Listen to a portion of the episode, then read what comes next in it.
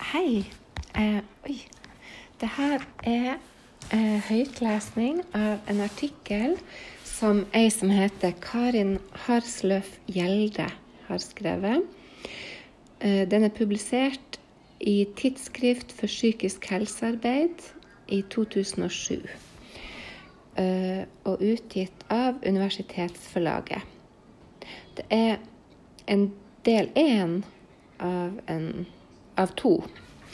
Eh, og denne del én, artikkelen, heter 'Somalieres forståelser av psykisk helse, sykdom og behandling i eksil'. Betydningen av det relasjonelle. Uh, artikkelen er på åtte sider, og jeg kommer til å si fra når jeg skifter hvilken side jeg er på, sånn at du vet det og kan, um, og kan um, legge inn referanse. Det begynner på side 350. Dette er den første av to artikler om somalieres forståelse av psykisk helse, sykdom og behandling. Artiklene som helhet omhandler somaliere sin forståelse av psykisk helse, sykdom og behandling i møte med de psykiske helsetjenestene i Norden. Det dreier seg om et asymmetrisk møte mellom ulike teorier, fortolkninger og forventninger når det gjelder hvordan selve er bygga opp i forhold til emosjoner, og hva som skaper, vedlikeholder eller endrer psykisk sykdom, og hva som helbreder.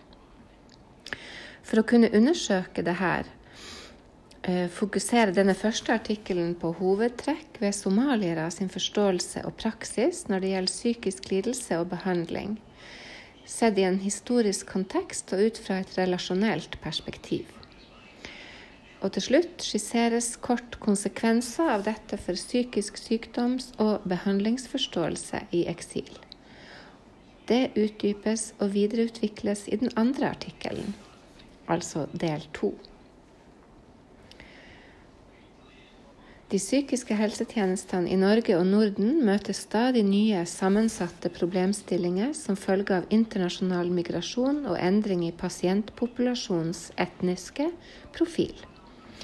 Problemstillingen dreier seg både om psykososiale problemer, som er blitt for, forsterka av migrasjon, og om divergerende begrep og forståelsesmåter når det gjelder psykisk helse, sykdom og behandling. I en undersøkelse utført ved Psykososialt senter for flyktninger ga psykiatrisk helsepersonell uttrykk for behov for mer kunnskap i forbindelse med psykisk helsearbeid med flyktninger. Ca. 80% av de spurte ønska særlig mer kunnskap om kultur og kommunikasjon. Ja, nå kommer vi til referansene som er brukt. Og da velger jeg å si hva referansene er. Parentes. Major 2000, Storholt 2003.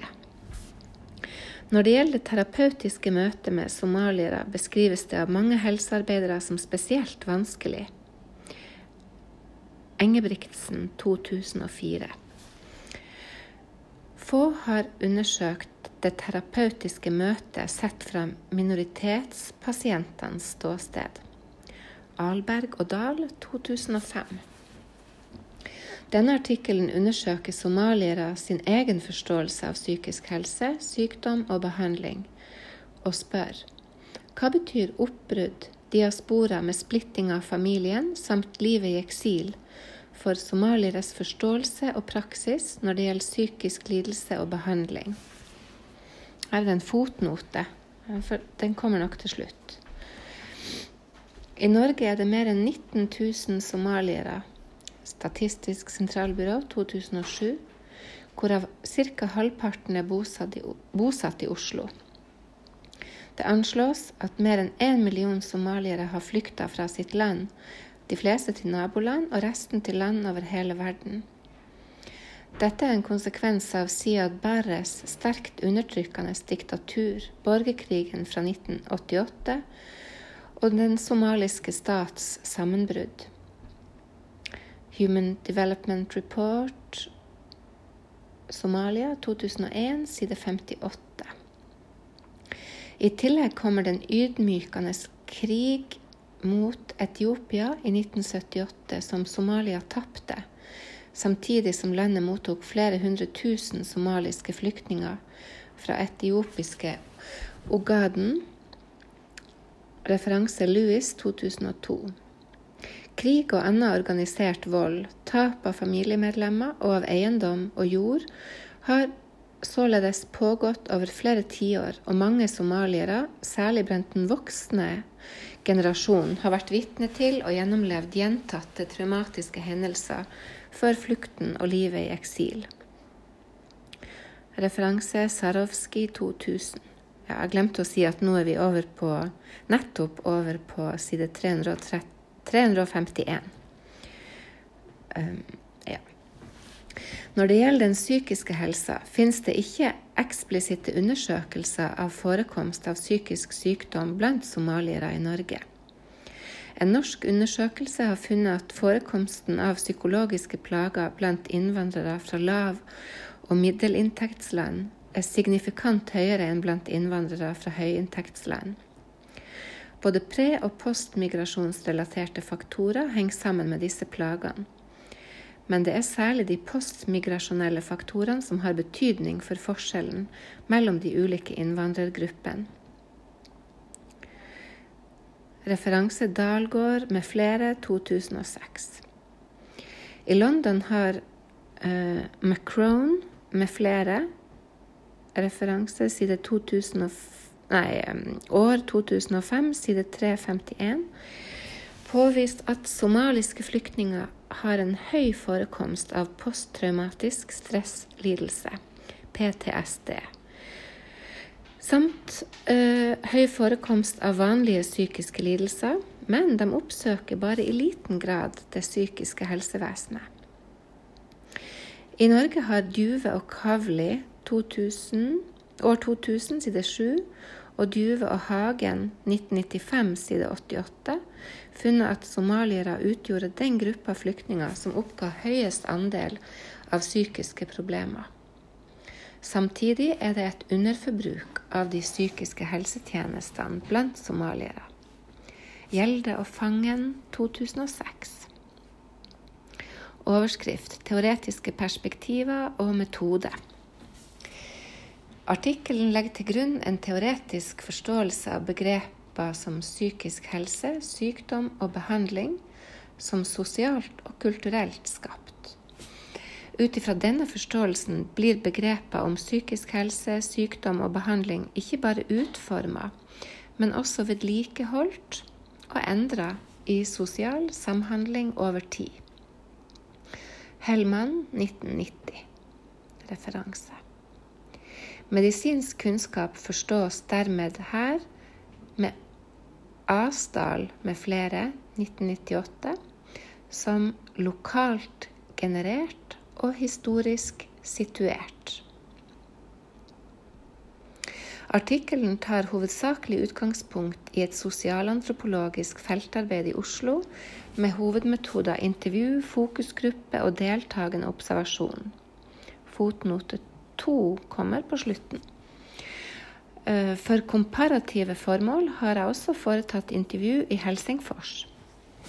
Materialet bygger på gjentatte intervju i samtaleform med seks somaliske menn og kvinner i Oslo og syv i Helsingfors, samt deltakende observasjon av fem fokusgruppediskusjoner mellom seks somaliske menn i Oslo.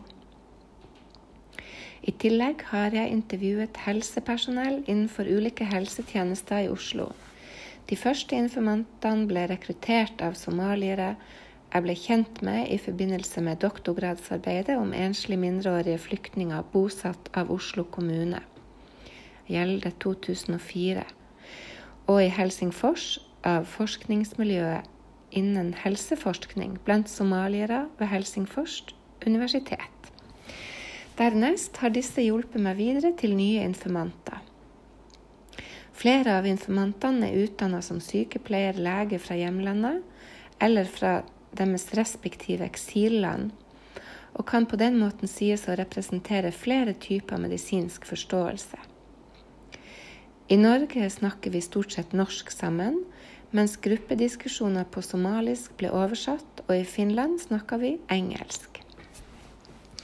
Artikkelen vektlegger informasjon som fremstår som typiske forståelsesmåter blant somaliere i begge eksilland.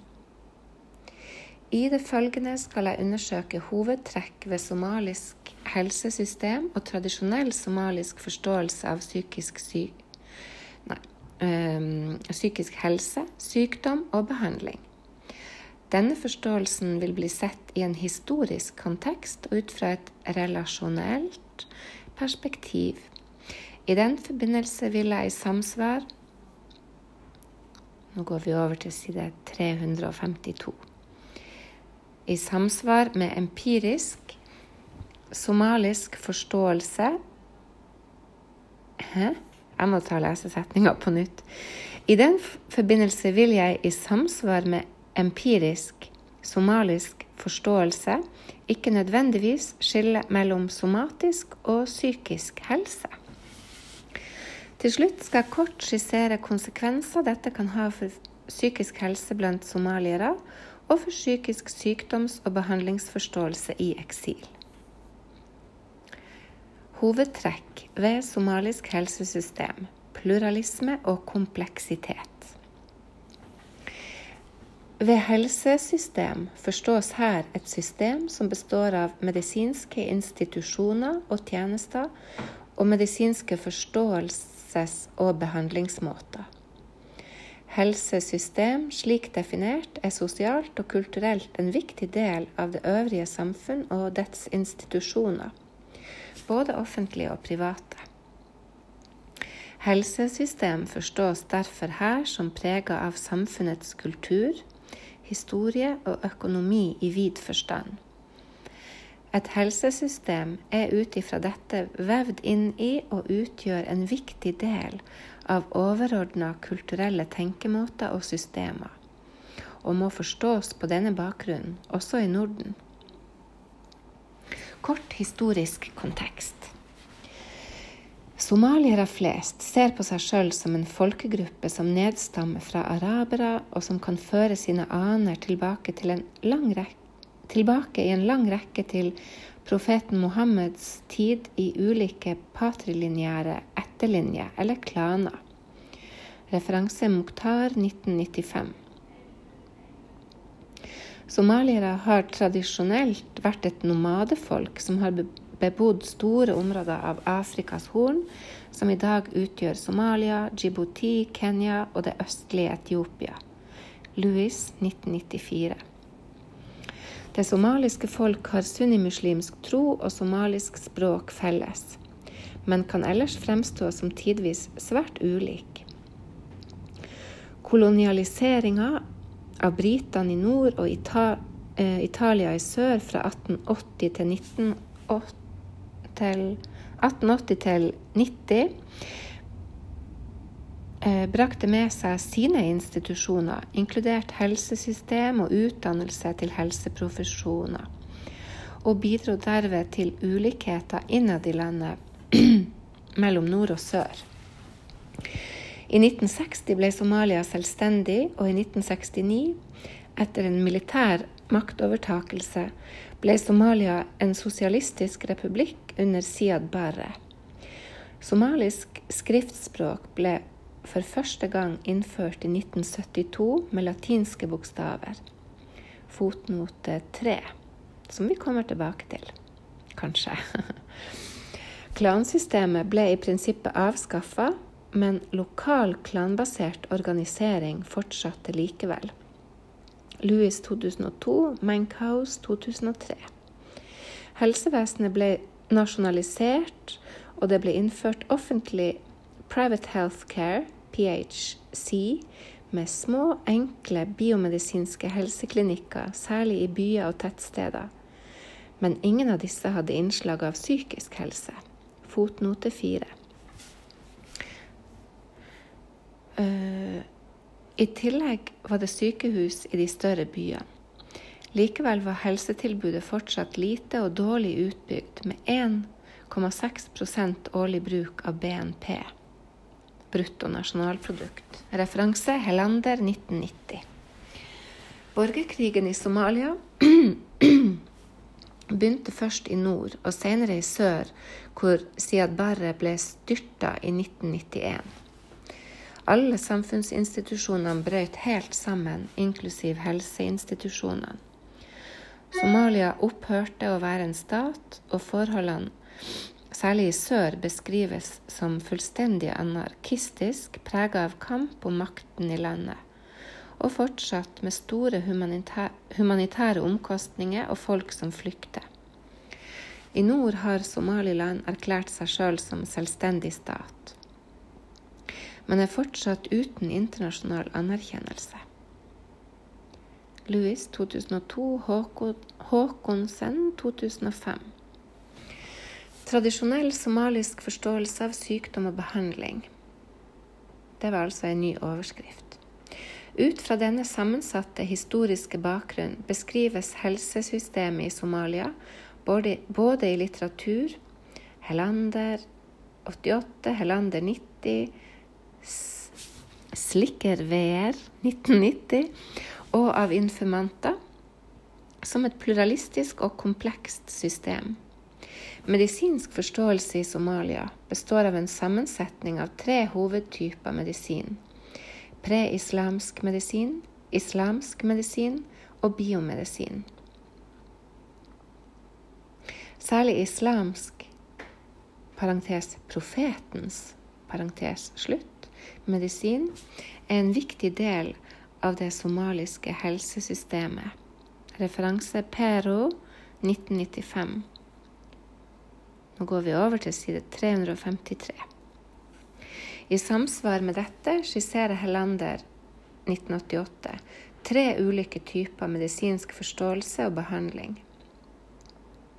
Behandling basert på medisinske trær og urter behandling basert på islamsk religion og behandling basert på piller og sprøyter.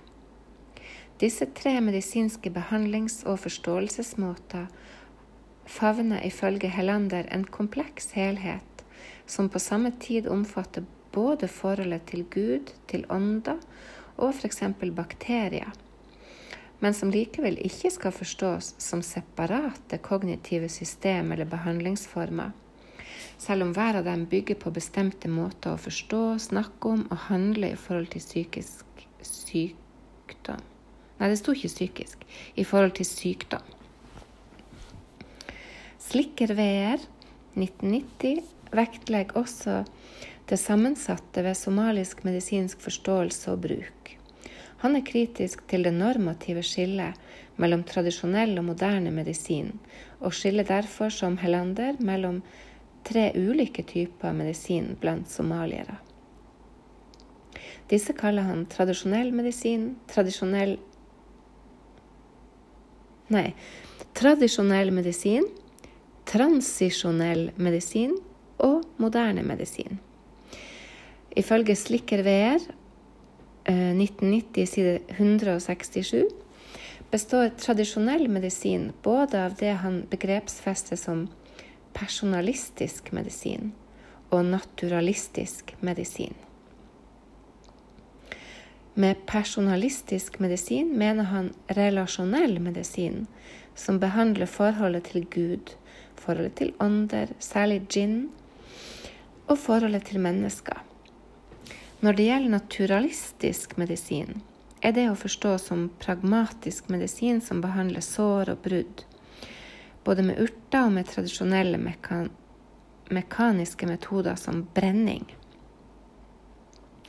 Tradisjonell medisin, overgangsmedisin, er ifølge slikkerveier verken tradisjonell eller moderne. Nei, nå sa jeg feil igjen. Jeg må lese setninga på nytt. Transisjonell medisin. Nå er vi over på nummer to, eh, ifølge han slikkerveier transisjonell medisin, som, også, som altså betyr overgangsmedisin, er ifølge slikkerveier verken tradisjonell eller moderne. Denne type medisin består av apotekervarer, hovedsakelig fra den moderne farmasøytiske industrien. Og disse kan ofte være utvanna eller falsk, og blir gjerne solgt av omreisende lekmenn. Eh, referanse slikkerveer, side 211-12, og Hellander 1990, side 125. Flere informanter presiserer imidlertid at det også finnes apotek i byene som selger autoriserte farmasøytiske preparater. Tilbud om tradisjonell og transisjonell medisin finnes overalt i landet.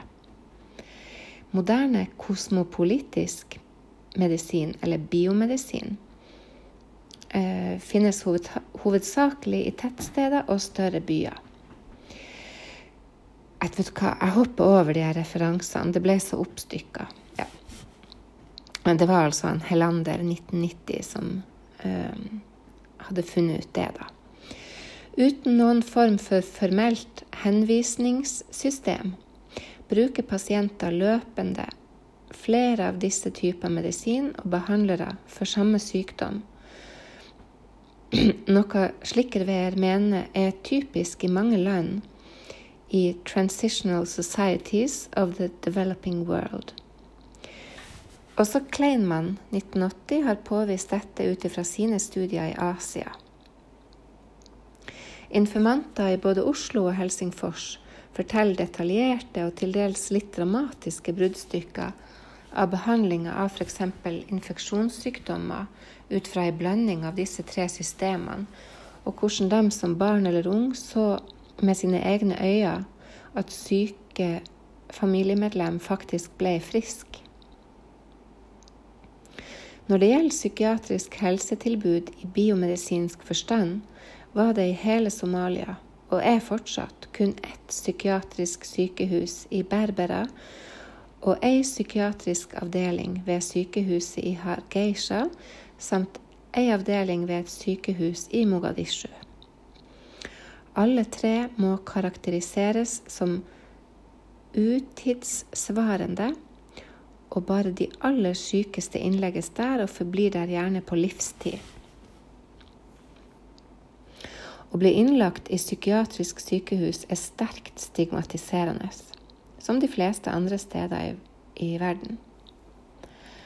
Slikkerveer har satt opp ei liste over sykdommer og hva somaliere ser som ulike årsaker til hver av dem.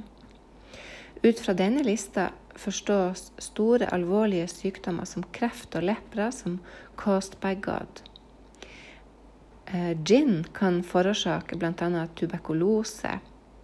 Nå går vi over til side 354. Syfilis, som ses på som en psykisk lidelse magesår og noen ganger hodepine, ifølge denne lista. Det onde øyet kan bli magisk overført til andre mennesker, f.eks. av en gammel kvinne, og resultatet av det kan være visse typer mental disorders. Symptomene på dette kan eh, begynne med en viss fjernhet, tap av appetitt, apati, bevisstløshet, og pasienten kan etter hvert dø. Slike sykdommer regner man ikke med at moderne vestlig medisin klarer å helbrede, ifølge Slikkerveer. Sett med nordiske helsemajoritetsøyne er det således ikke noe helt klart system for å kunne finne ut hva ulike sykdommer skyldes. Både Slikkerveer og Hellander beskriver da også hvordan pasienter øh, hvordan pasientene sine pårørende er usikre på diagnosen.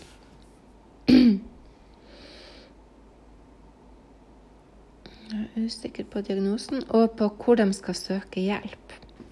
Familie og slektninger vil gjerne ha en større diskusjon før de flere, oppsøker flere ulike medisinske eksperter, siden sykdommens årsak er uklar. en ny sånn underoverskrift relasjonell psykisk sykdomsforståelse. Ved symptomer på tilstander som innenfor en biomedisinsk forståelsesramme forstås som psykiatri eller psykisk sykdom, fremstår forståelsen imidlertid som mer ensretta.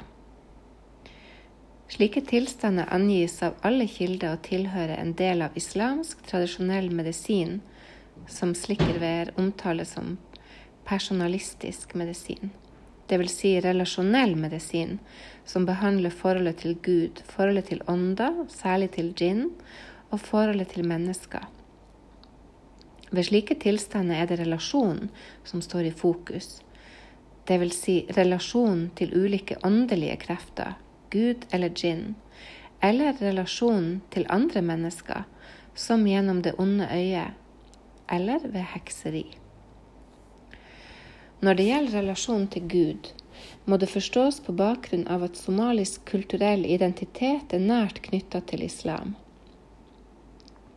Alle informanter gir uttrykk for at uh, for de fleste somaliere er det en sterk forbindelse mellom islam, Gud og helse. Både helse og sykdom er i Guds hender, eller som Hellander uttrykker det, both health and disease are seen as ultimately caused by God. Mange ber til Gud om å få være frisk, og for mange vil sykdom bli forstått som Guds prøvelse eller Guds straff for ikke å ha levd opp til Gud, Guds ord eller Koran.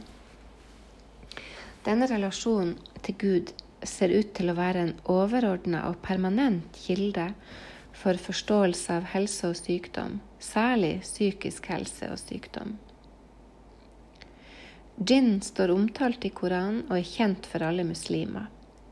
Relasjonen til djinn er prega av at djinn har makt til å påvirke mennesker og gjøre dem skade. Man kan bli besatt, f.eks. hvis djinn er blitt såra eller sint.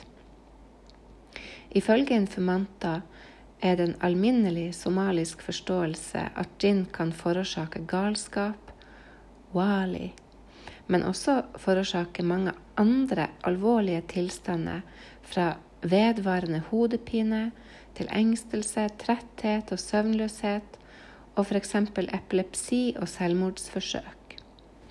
Kvinnelige informanter har fortalt at djinn særlig befinner seg på ureine plasser, f.eks. på toalettet. Utover dette forteller særlig mannlige informanter helst lite eller ingenting om ånder som djinn, og kun hvis de blir spurt. Da kan, da kan det komme raske, avvergende setninger som 'Djinn, det er psykiatri, det', eller 'That is part of our faith'. Når det gjelder relasjoner til og forpliktelser overfor andre mennesker som ikke blir ivaretatt som de bør, kan det føre til psykiske tilstander prega av sterke følelser, som ubehandla kan bli til galskap, wali. En slik sterk følelse som informanter ofte nevner, er alvorlig bekymring, well well, som henger sammen med at man ikke kan oppfylle sine sosiale forpliktelser, f.eks. pga. arbeidsløshet og økonomiske problemer, og som man grubler over hele tida. Det kan også dreie seg om sterk følelse av skuffelse, som kan skyldes ulike tap, fra impotens og barnløshet til tap av eiendom, plutselig fattigdom eller død hos nær slekt. En sterkt bekymra eller skuffa person kan bli gal hvis han eller hun ikke får hjelp og støtte fra sine nære familiemedlemmer, og eller passende religiøs behandling. Av alle sosiale relasjoner til andre mennesker er relasjonen til egne foreldre spesielt viktig, forteller informanter. Manglende respekt og omtanke for foreldrene kan medføre en forbannelse som kan bringe de alvorligste lidelser og ulykker. Slik forbannelse bør hindres. Det kan være vanskelig å få til i eksil, f.eks. hvis mor sitter alene i en flyktningleir i Afrika og man ikke har mulighet til å hjelpe henne, eller hvis mor forlanger opp, oppførsel som er uforenlig med vanlige normer i Norden. Symptomer på psykisk lidelse blir ut ifra dette av mange somalier somaliere ikke sett på som en medisinsk tilstand, eller som noe helsevesenet kan hjelpe med. Slike symptomer vil de fleste gå til religion og til Gud med. I det somaliske språket fins det heller ikke medisinske termer som dekker biomedisinske begreper som psykisk lidelse, eller f.eks. begreper som angst, depresjon og schizofreni, som uten videre vil kunne oversettes av en tolk i en terapeutisk sammenheng. Eneste, den eneste tilstand som anerkjennes som en psykisk sykdom, er ifølge alle informantene det å være gal, på somalisk wali. Informantene angir denne forståelsen og begrepsbruken som en viktig grunn til at mange somaliere vil være skeptiske til å oppsøke en psykiatrisk helsetjeneste. Ny overskrift eh, relasjonell psykisk sykdomsatferd. Når det gjelder sykdomsatferd, er det viktigste poeng for slikkerveier at valg av helsetjeneste påvirkes av hvilke helsetilbud som finnes, i tillegg til hva man tror den syke feiler, og hvorfor. Andre viktige hensyn ved valg av helsehjelp er avstand til hjelpa samt økonomiske hensyn. Det er som nevnt ikke ualminnelig at man oppsøker flere typer helsetilbud for samme sykdom. Ifølge Hellander er det i en vanlig landsby ca. ti anerkjente healere med litt ulike spesialiseringer og helsetilbud som, som kompletterer hverandre. Når det gjelder hjelp til psykisk lidelse, vil man i alle fall velge å gå til en religiøs sjeik for å få resitert fra Koranen. Det vil roe den syke ned, og det tenkes å bidra til at ånde som djinn eller sar forlater den syke. Særlig for kvinner kan det i tillegg arrangeres sar-ritualer med dans og musikk. Og dette fenomenet, sier Louis, om dette fenomenet sar, sier Louis. Sar in Somali describes a state of possession by a spirit which is also called Sar. Sar spirits may be expelled by persons who have mastery over them. Sar are expelled in a dance which may become much of a public entertainment. Sitat slutt. Ifølge Tilikainen kan be seen as part of religious, spiritual and moral order of the Horn of Africa. Det var Tillikainen 2004, side 6. Men i dag vil mange somaliere avvise at det er sammenheng mellom sara og islam, og derfor ikke bifaller slike ritualer. En informant fortalte at familien til en psykisk syk, dvs. Si gal, i hermetegn person som er farlig for seg sjøl eller andre, også kunne prøve å hjelpe han ved å binde han fast f.eks. til et tre til han ble rolig, noe flere informanter mente kunne bidra til at den syke ville bli verre. Familien ville i alle fall ta seg av den syke. En ung mann uttrykte det på denne måten. Man skjærer ikke en finger av Den hører til på hånda.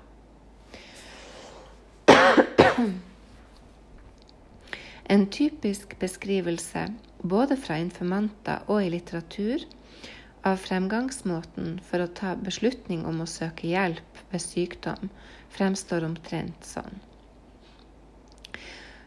Hvis noen føler seg dårlig, vil man først vente litt og se om det går over, og kanskje få resitert litt fra Koranen.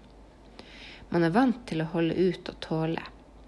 Hvis man etter hvert føler seg ordentlig syk, konsulterer man først familien rundt seg. Eh, og familie, eh, det var tallrikt til stede i Somalia. Hvis man tilfeldigvis var alene, f.eks. hvis mannen var bortreist og den øvrige familien heller ikke var der, ville særlig kvinner vente til noen kom tilbake for så å konsultere dem. Hele familien ville diskutere tilfellet og hva man burde gjøre med den syke. Uttrykt i det kjente somaliske ordspråket A sick man is advised by a hundred. Den syke ville så gå til den anbefalte hjelp, men aldri alene, alltid fulgt av minst ett familiemedlem. Også helsehjelpa ville i utgangspunktet være en person som familien har nær eller annen tillitsbasert sosial relasjon til. Slik relasjon vil sannsynligvis være klanbasert, men det tematiseres ikke i litteraturen og underkommuniseres av informanter. Også sykdomsatferd er dermed sammensatt og prega av relasjonelle dimensjoner. På tre måter. Ved den første beslutning innenfor familien om hva som skal gjøres.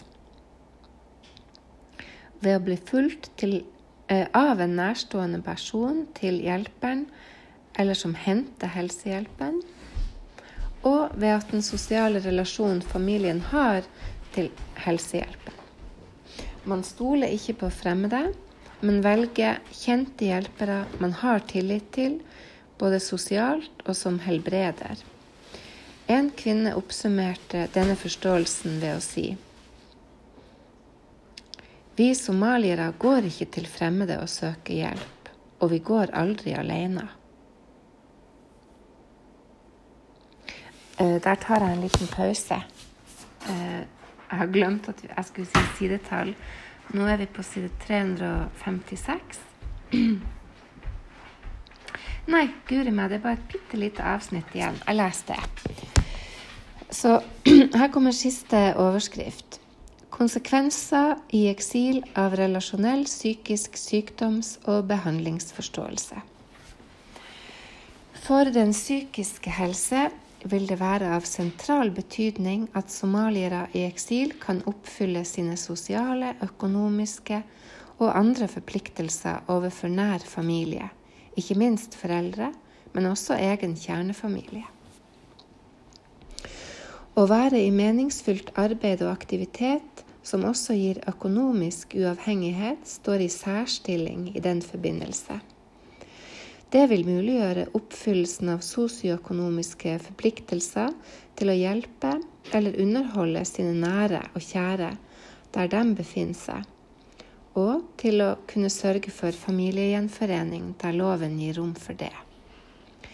Siden forståelsen av psykisk lidelse og sykdomsatferd er relasjonell og nøye knytta til relasjonen til Gud, til jinn og til nære personer, vil det også være helt sentralt for somaliere å være omgitt av nær familie, slekt og kjente personer som bryr seg om dem, og som de føler de kan stole på.